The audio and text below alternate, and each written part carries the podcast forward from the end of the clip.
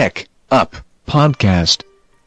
Dobar dan i dobrodošli dragi slušalci ponovo na Teka podcastu našu najnoviju epizodu. Danas malo drugačija tema. Trudimo se naravno da u okviru našeg Teka podcasta pokrijemo različite teme, da delimo malo savete, malo pričamo o nekim zanimljivostima kao prošli put.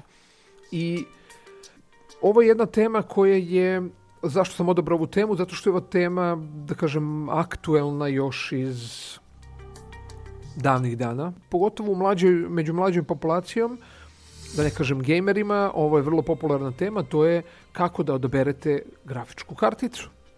Svi znamo šta je grafička kartica, ali da ponovim još jednom, znači grafička kartica je e, ono što vam omogućava da imate sliku na vašem monitoru, bilo da je laptop u pitanju, odnosno ekranu laptopa ili monitoru ako koristite desktop. Mi ćemo malo više da budemo skoncentrisani u ovoj emisiji za desktop računare. I naravno bitno je kao i prilikom izbora bilo koje druge PC komponente da vodite računa o najboljem odnosu cene i kvaliteta, posebno naravno ovde u Srbiji, ali tu se naravno pominje i funkcionalnost, zato što grafika je veoma važna. Danas naravno na tržištu su dostupne unapređene grafičke kartice, različiti performansi, naravno od onih najslabijih pa do onih najjačih. E sad, glavni delovi grafičke kartice su grafički procesor ili ti GPU, RAM memorija, naravno hladnjak ili ti cooler, konektori i izlazi. Što se tiče izlaza, tu je analogni video graphics array, skraćena VGA, to je da kažem malo stariji izlaz, Digital Visual Interface, skraćeno DVI, koji je znatno zastupljeniji, a naravno tu su i HDMI, mini HDMI, DisplayPort i mini DisplayPort.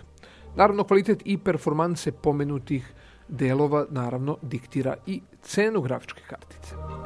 E sad, uloga dva glavna dela grafičke kartice, koji ujedno predstavljaju i dva osnovna parametra na koja treba obratiti pažnju, su GPU ili ti grafički procesor, predstavlja osnovnu komponentu čija je naravno glavna funkcija da odgovori različitim programima ili igricama koji zahtevaju obradu složenih slika, a to se postiže pretvaranjem takozvanog binarnog koda u sliku i zato naravno možemo da kažemo da GPU mozak grafičke kartice maksimalno da pojednostavim. A druga komponenta VRAM ili ti Video Random Access Memory. To je znači memorija i to je od, ajde kažem, 1 GB pa naviše sad neki standard, sve zavisnosti za što ćete naravno koristiti. Što je veći VRAM kapacitet, to je naravno grafički procesor brži, naravno to će i kartica biti kvalitetnija, samim tim i skuplja. Danas na tržištu su dominantna dva proizvođača grafičkih čipova, u 99% slučajeva Nvidia i AMD. Ako naravno vaš budžet zahteva da birate između grafičkog procesora i količine memorije, pametnije je stati na stranu boljeg procesora, ali u većini slučajeva sami potrošači posežu za većom količinom memorije jer veruju da je to glavni parametar dobre grafike. Znači, ne. Bolje gledajte GPU nego da gledate memoriju. E sad, ključna stvar. Sve zavisi zašto ćete naravno koristiti računar. Ako je u poslovne svrhe, tipa surfovanje internetom, slušanje muzike online, gledanje YouTube-a, proveru vaše pošte na, na internetu i tako dalje, znači neku minimalnu upotrebu, kucanje u Wordu i tako dalje, onda će vam biti sasvim dovoljna i integrisana kartica koja uglavnom i dolazi uz ovakve računare koji su namenjeni, kažem, desktop računare koji su namenjeni za neku biznis upotrebu. Ali, ako vam trebaju neki zahtevni programi tipa 3D modelovanje, obrada fotografija, multimedija, audio, video, eh, editovanje i tako dalje i naravno igranje video igrica, posebno ovih novih, onda je neophodno da posjedujete ipak jaču, odnosno kvalitetniju grafiku. E sad, četiri osnovne stvari na koje treba da obratite pažnju prilikom kupovine su pod jedan.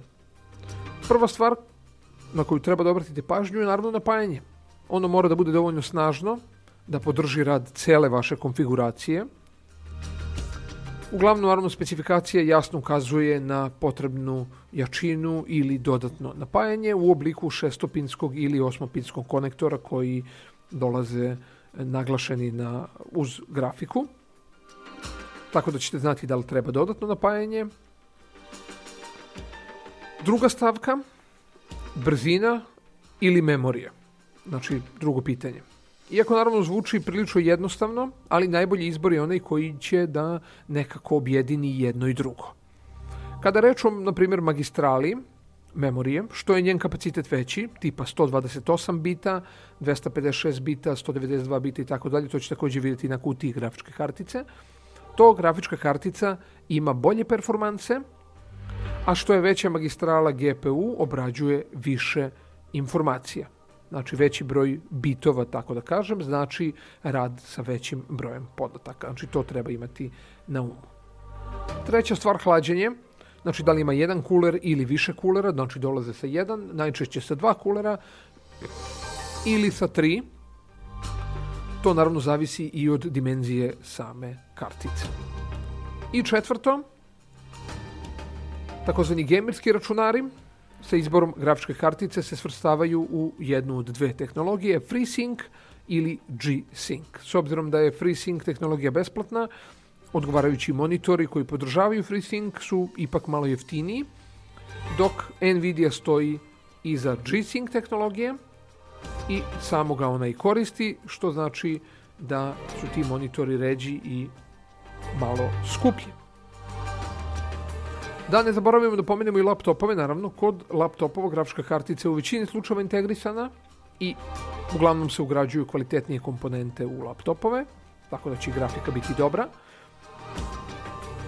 A postoje naravno i hibridne grafike koje posjeduju dodatan čip koji se koristi po potrebi. Znači, grafički, e, što tiče laptopova, oni su uglavnom biznis orijentisani i naravno ima imaju, sad u zadnje vreme se pojavljuju posebne serije gamerskih e, laptopova ali sa posebnim komponentama, ali oni su, da kažem, prilično skupi, tako da ih sad nećemo pominjati.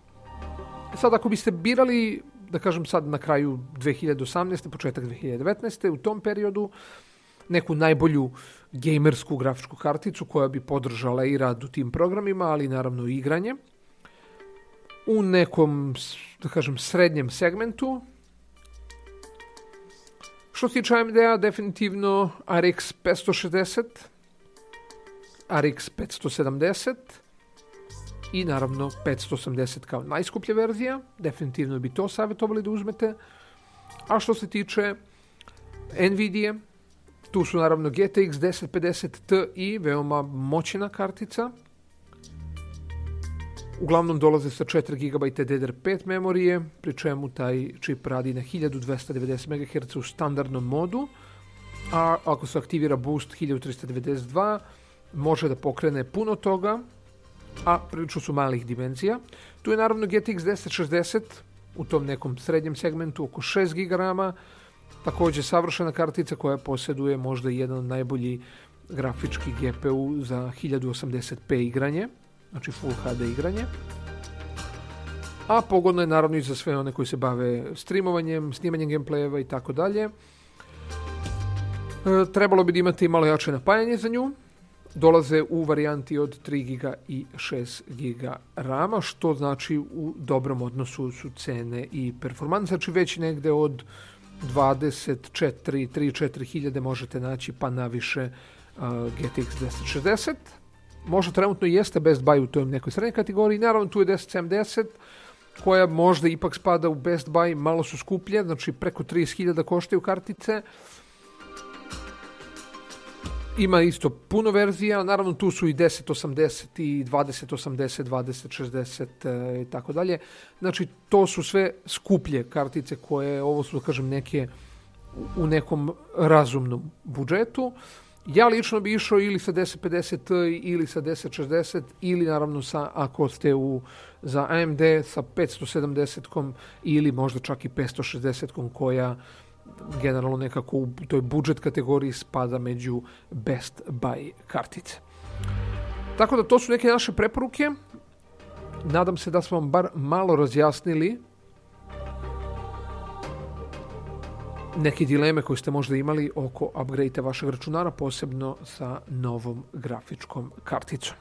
To bi bilo to za sada. Vi naravno ostanite uz naravno Teka podcast do neke, neke sledeće epizode kao i uvek. Veliki pozdrav. Tech Up Podcast.